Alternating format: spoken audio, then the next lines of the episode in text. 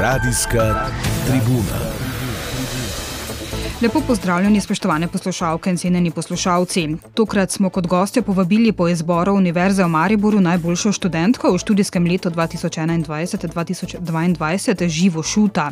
Ukvarja se med drugim s pravnim vidikom sodobnih izzivov, raziskuje denimo zaščito žvižgačev, nadzor nad delom policije, vpliv pandemije COVID-19 na pacijentovo pravico dostopa do zdravstvenih storitev. Z njo se bomo pogovarjali tudi o njenem pogledu na stanje na področju prava v Sloveniji, njeni oceni svoje generacije mladih in še čem. Živa šuta, lepo pozdravljeni in dobrodošli v našem studiu. Lepo zdrav. Vabljeni k poslušanju. Radijska tribuna. Vaša voditeljica je Nataša Rižnar. Zaključili ste magistrski študij prava. Zakaj ste se odločili za prav študij prava? Eh, pravo se mi zdi zelo zanimivo področje, je zelo široko, posega v vse pore našega življenja. Eh, obenem je pa tudi zelo staro področje študija in zahteva veliko odgovornosti, ki pa prevzameš že, ko se upišeš na ta študij. Eh, Jaz sem bila takrat v gimnaziji mnenja, da me to področje zanima in da lahko prevzamem to odgovornost, da se zares potrudim, ne samo zase, da bi pridobila neko formalno izobrazbo, ampak da iz tega naredim nekaj več. Mhm. Je kdo od v družini tudi se ukvarja s pravom ali ste prvi v družini? Sem prva v družini. Mhm. Torej vas ni kdo posebej navdušil za to področje? Um, ne, sem, sama sem se navdušila za študij prava in mislim, da me je potem tudi neka ta samodisciplina in volja do, do tega študija potem tudi vodila tekom uh mhm. -huh. celotnega študija. Kako pa ste prišli v stik s tem področjem? Uh, v bistvu sem v gimnaziji na informativnih dnevih obiskala pravno fakulteto.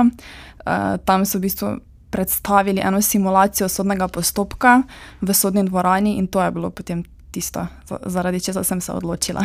Da se je potegnilo noter. Tako. Nekaj ste izjavili, da ste se vedno želeli pomagati ljudem v stiski, zato ste tudi pravna svetovalka v humanitarnem društvu Pravo za vse. Na fakulteti sodelujete tudi kot eh, tutorka.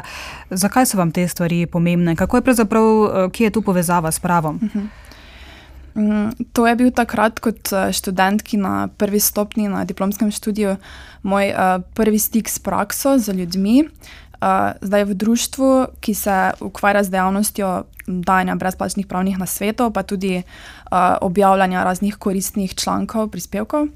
Um, v bistvu prideš v stik z ljudmi, um, jih poskušaš uh, razumeti in jim pač pomagati, kot najboljše znaš. Uh, Um, tutorstvo pa predstavlja delo v skupini, um, pa tudi to, da predajaš znanje, ki si, ga, ki si ga pridobil v preteklih letih na mlajše generacije, pa se tudi pri tem sam nekaj naučiš. In mislim, da je to smisel uh, obštudijskih uh, dejavnosti v pravu. Um, mislim, da je to tudi um, ti dve aktivnosti sta bili zelo spodbudni. Um, v bistvu ustvarja, ustvarjali sta spodbudno okolje uh, za me kot mlado študentko, uh, ker sem bila v stiku z mojimi sovrstniki, pa tudi z nekaterimi mladimi pravniki, ki so bili še pred kratkim na mojem mestu. In mislim, da je to zares um, spodbudno okolje za mladega študenta. Pa toliko bolje še, če poleg tega naredi nekaj plemenitega za družbo. Mhm.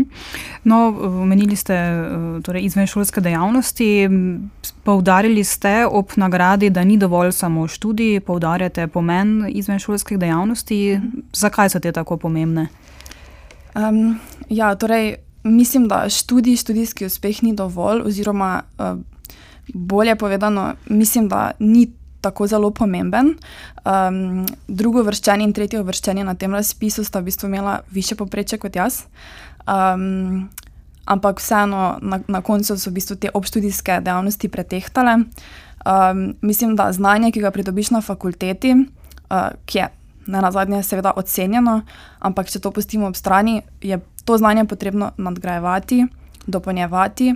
In mislim, da je najbolj eleganten način, da, da to narediš v nekih obštudijskih aktivnostih, ki se povezujejo z tvojim področjem študija. Mhm, recimo. Um, zdaj, na pravni fakulteti se načeloma posod pač v Sloveniji na pravnih fakultetah se ponujajo razni uh, študijski um, projekti. Um, mislim, da se iz teh lahko veliko uh, naučiš glede raziskovanja. Potem jaz sem uh, veliko koristnega odnesla od uh, um, pravniških tekmovanj. Um, udeležila sem se recimo dveh mednarodnih in enega slovenskega.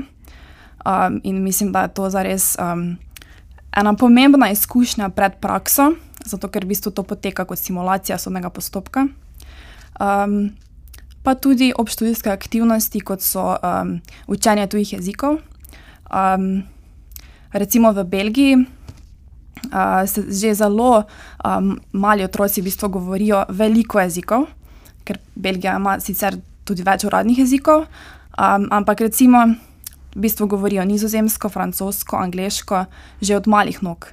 Mislim, da bi se to tudi moralo spodbujati v Sloveniji. Uhum. Omenili ste eh, Belgijo, uspešne študente pogosto vlečejo v tujino, zadnjega pol leta ste preživeli na izmenjavi v Belgiji. Zakaj Belgija in kakšna izkušnja je bila to za vas? Um, želela sem študirati v nekem mednarodnem okolju, uh, živeti v mednarodnem okolju in študirati na uh, priznani fakulteti. Uh, iskala sem predmetnik, ki ga v Sloveniji na pravnih fakultetah še ne ponujajo. In uh, v Belgiji, rec, v Gentu, ponujajo predmete, kot so pravo vesolja, uh, pravo o biodiverziteti. Uh, imajo zelo dober program, enega izmed najboljših v Evropi, o evropskem konkurenčnem pravu, uh, o evropskem migracijskem pravu. Uh, imela sem tudi predmet informacijska tehnologija in pravo. Uh, tam smo v bistvu poslušali predavanja o um, splošni uredbi o varstvu osebnih podatkov, umetni inteligenci, digitalnem notranjem trgu. Torej, sledili smo nekim aktualnim temam. Potem Gent kot mesto, seveda je univerzitetno mesto, ampak ta naziv zares um, živi. Um, ne samo na fakulteti, tudi ko se sprehodiš po ulicah, je polno mladih uh, in v bistvu ti daje nek občutek svobode, uh, vstopaš v neka, neke prijateljske odnose z popolnoma um, novimi prijatelji in nekako vstopaš v te odnose neobremenjeno in imaš nek občutek svobode in nek poseben čar ima to mesto pač za me. Um, eden izmed razlogov je tudi uh, bila bližina uh, institucije Evropske unije. Um, tudi v sklopu predmetov smo uh, lahko obiskali recimo Evropski parlament. Um, pa tudi na splošno v Belgiji je zelo preprosto potovati. Enostavno se vsedeš na vlak in v zelo kratkem času si v Bruslju, v Antwerpnu, v Bružu, na obali, ki je zelo lepa, pa tudi v sosednjih državah. Um, tako da, seveda, vsako mesto ima neko svojo kulturo, svoj čar, um, ampak no, Gent ima za me posebno mesto. Torej, predmetnik je torej precej bolj posodobljen, da rečem, v primerjavi z nami, če sem prav razumela. Recimo Tako. Eh, pravo eh, vesolja. Uh mhm. -huh. Zakaj pravzaprav gre? um, pri tem predmetu je v bistvu bilo razdeljeno na pravo vesolja eh, in pravo um, aviacije. Um, mislim, da je to tudi edina fakulteta, ki ponuja ta predmet v Evropi. Um, je pa to seveda zanimivo, um, ne samo pravo vesolje, tudi ostale aktualne teme, ker se ta predmetnik vedno posodablja in tudi zelo so nas spodbujali, da, um, da sledimo, kaj se dogaja recimo, uh, na institucijah Evropske unije. Vsak dan smo mogli spremljati sproti, uh, kaj se dogaja. Mhm. Teda tudi izven fakultete, da spremljate svet uh, okoli sebe, najbrž tudi medije. Uh mhm. -huh. To so nas v bistvu že tukaj v Sloveniji spodbujali, da spremljamo vsaj uh, poročila vsak dan, da, smo, uh -huh. da, mhm. da sledimo uh, temu, kaj se dogaja. Uh -huh. Pa časopise? ja, tudi. pa v Belgiji, uh, kako je bilo s tem, recimo z mediji, koliko, koliko ste uspeli spremljati tam dogajanje? Um, največkrat to, kar je v bistvu, uh, so tudi nam recimo, izpostavili profesori. Um, seveda pa vsak je pač moral spremljati recimo kakšne um, uh, press release uh, strani uh, Evropske, institucije Evropske unije. Za eno splošno dogajanje, recimo veliko krat je v Belgiji kakšna stavka um, na um, železniških delavci, torej na železniških uh mhm. -huh. postajah veliko krat stavkajo, pa je bilo to aktualno, ker se pač potem nisi mogel samo vsesti na vlak in se odpeljati. Um, pa tudi potem, kakšne, um, kakšni protesti. Tam je bilo recimo zanimivo, za uh, dan žena imajo, recimo, ne podarijo ti rožice, tako kot pač tukaj v Sloveniji, ampak so veliko bolj pomembni protesti in potem res na ta dan vsi grejo na ulice. Mhm. No, raziskujete različna pravna vprašanja, recimo zanimivo je področje zaščite žvižgačev. E, zakaj ste se odločili za to tematiko, kakšne so bile vaše ugotovitve? Um, najbolj zanimiva so tista vprašanja, ki še niso v tolikšni meri raziskana, oziroma z pravnega vidika, tista, ki še niso toli, v, popolnoma pravno urejena in iz takšnih projektov se lahko največ naučiš, pa tudi sam daš tisti nek svoj del k končnemu rezultatu. Uh, in pred par leti je na ravni Evropske unije v bistvu se začelo urejati področje varstva žvižgačev. Evropska komisija je takrat uh, predlagala di direktivo. In nekateri profesori na, našem, na naši fakulteti so se povezali z profesori iz drugih fakultet, predvsem FERI, zato ker um, zaščita žvižgača v bistvu zelo eh, tesno povezana z svobodo medijev. Uh, in v okviru evropskega projekta po kreativni poti do znanja uh, so povabili študente k sodelovanju, študente iz različnih fakultet. Um, zato, ker neka pravna vprašanja se ne morejo rešiti samo z sodelovanjem pravnikov, ampak tudi z drugimi um, strokovnjaki. In na podlagi tega interdisciplinarnega pristopa smo potem se mi lotili raziskovanja tega predloga. Uh, mi smo tam v bistvu um, izpostavili določen, dopri, kakšen je v bistvu doprinos te direktive, hkrati pa smo tudi, seveda, izpostavili neke naše kritike.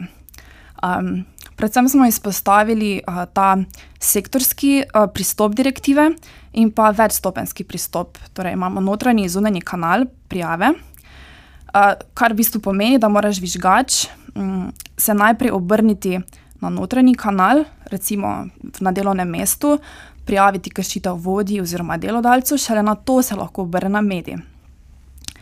Um, ta direktiva je bila na koncu seveda sprejeta. Um, mislim, da je to dober korak um, za zaščito žvižgačev.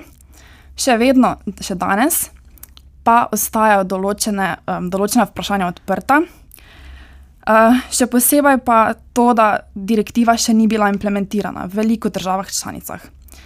Um, zdaj, seveda, na ravni Evropske unije obstajajo določeni mehanizmi, na podlagi katerih se lahko posameznik sklicuje na določbo direktive, ki še ni bila implementirana. Ampak vseeno, kakšno sporočilo daje to um, javnosti, da recimo Slovenija ne implementira? Um, Mislim, da država, ki je demokratična, ki, ki, ki spoštuje svobodo govora, ki, um, ki se bori proti korupciji, mora direktive implementirati. Uh mhm. -huh. no, raziskujete tudi področje nadzora nad delom policije, ukvarjali ste se z ureditvijo na Hrvaškem? Ja. Uh -huh. um, to področje um, v bistvu tudi um, spada pod področje um, mojega zanimanja um, ker me zanima javno pravo. Um, in tukaj je v bistvu razlika z razmerjem med posamezniki in razmerjem država-posameznik. Torej, če imamo razmerje med posamezniki, uh, se vedno tehtajo pravice. Pravica enega se konča, kjer se začne pravica drugega. V razmerju z državo uh, pa je to malo drugače. Um, posamezniku je dovoljeno vse, razen tisto, kar je izredno prepovedano, državi pa je dovoljeno samo to, kar je izredno zapovedano. Torej, država mora imeti pooblastilo v zakonu za vsako svoje dejanje. In um, kazenska zakonodaja je v bistvu najbolj izrazit primer tega odnosa.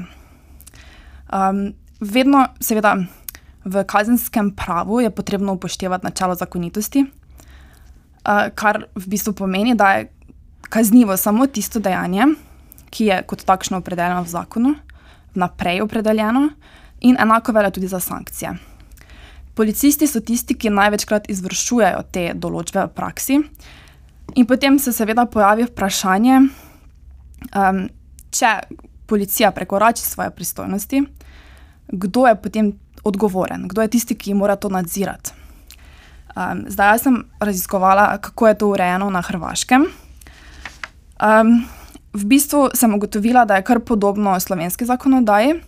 Um, imamo neke notranje mehanizme, naprimer nadzor izvajo načelniki na postajah, generalni direktor, potem seveda tudi Ministrstvo za notranje zadeve, pa tudi neki zunanji mehanizmi kot parlament, varuh človekovih pravic. Um, na koncu sem izpostavila, da v bistvu se mi zdi, da so zakonske določbe ustrezne, načeloma, um, se pa v praksi včasih razlagajo po svoje, kar pa seveda ni skladno s tem, kar sem povedala, z načelom zakonitosti. Uh mhm. -huh.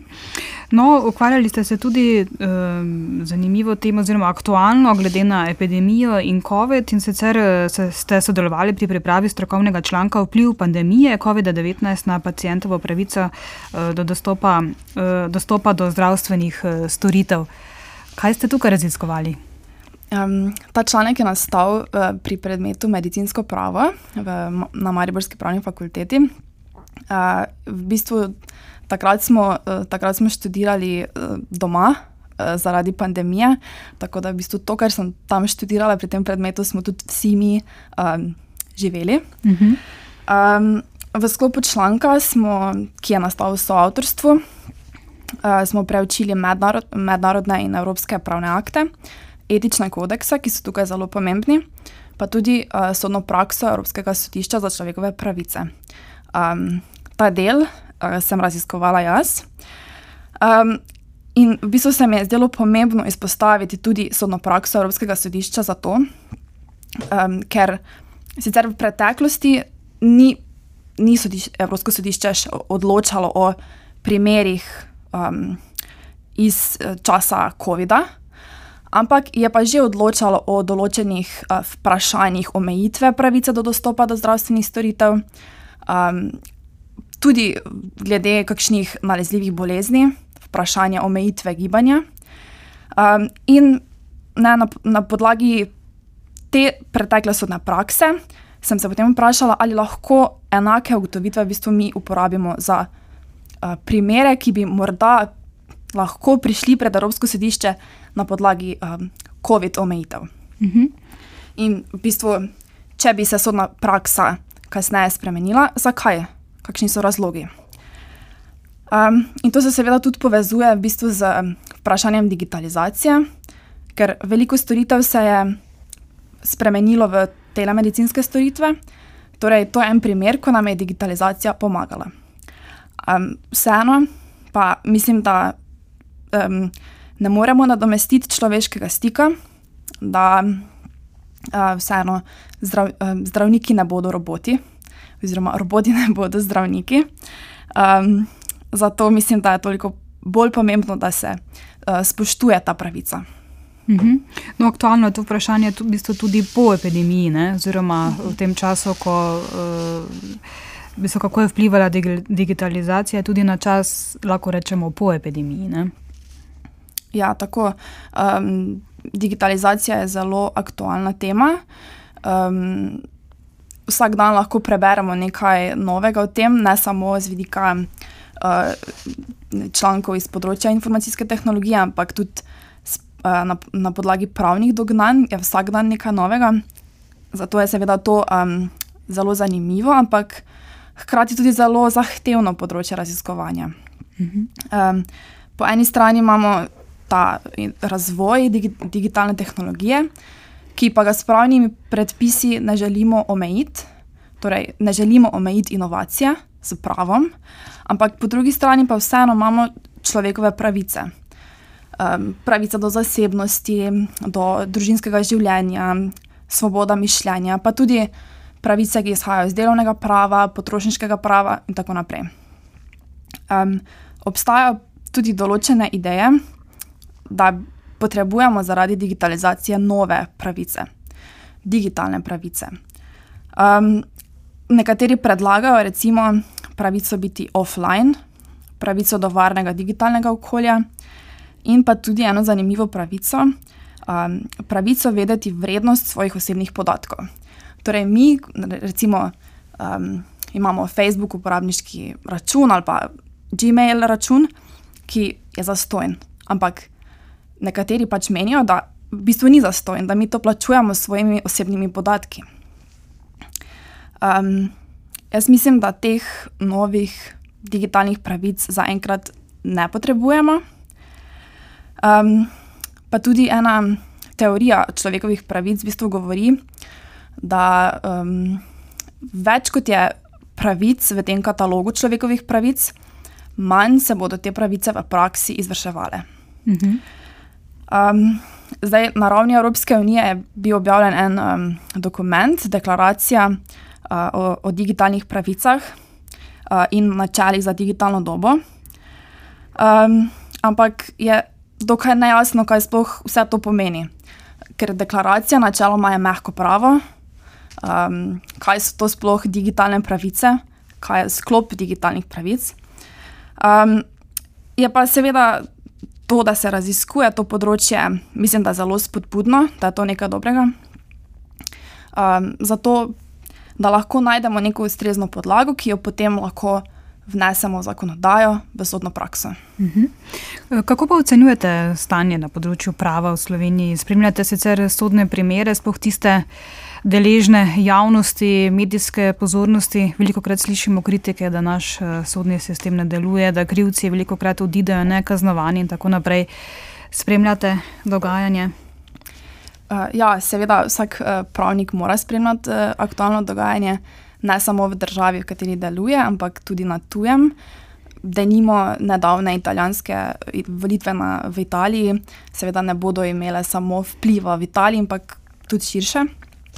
Um, in to tudi um, je tesno povezano s tem, kar sem povedala v bistvu na začetku, odgovo ta odgovornost.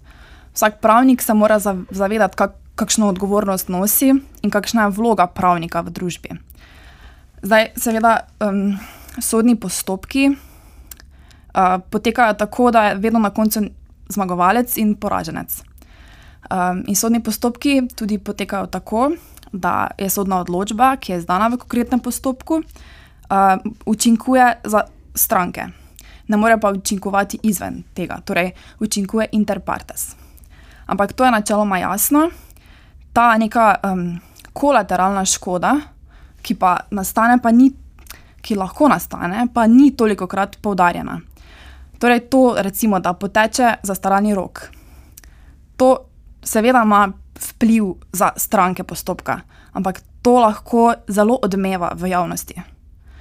Um, tako da mislim, da, kot sem že rekla, pravni predpisi načeloma so ustrezni, mogoče pa bi se morala malo bolj podarjati ta odgovornost, ta kolateralna škoda. Mhm. No, če se vrnem k vprašanju, v bistvu, eh, torej očitkom, da naš sodni sistem ne deluje, da mnogo krat eh, krivci odidejo nekaznovani, se strinjate s tem?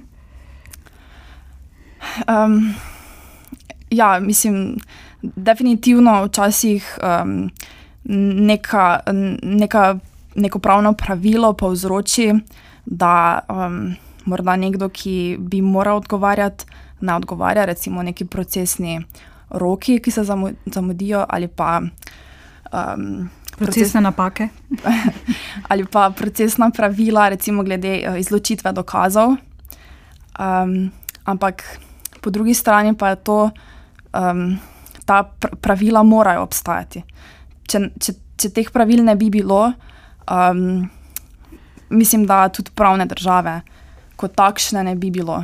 Zdaj nekateri pač ta pravila poskušajo izigrati.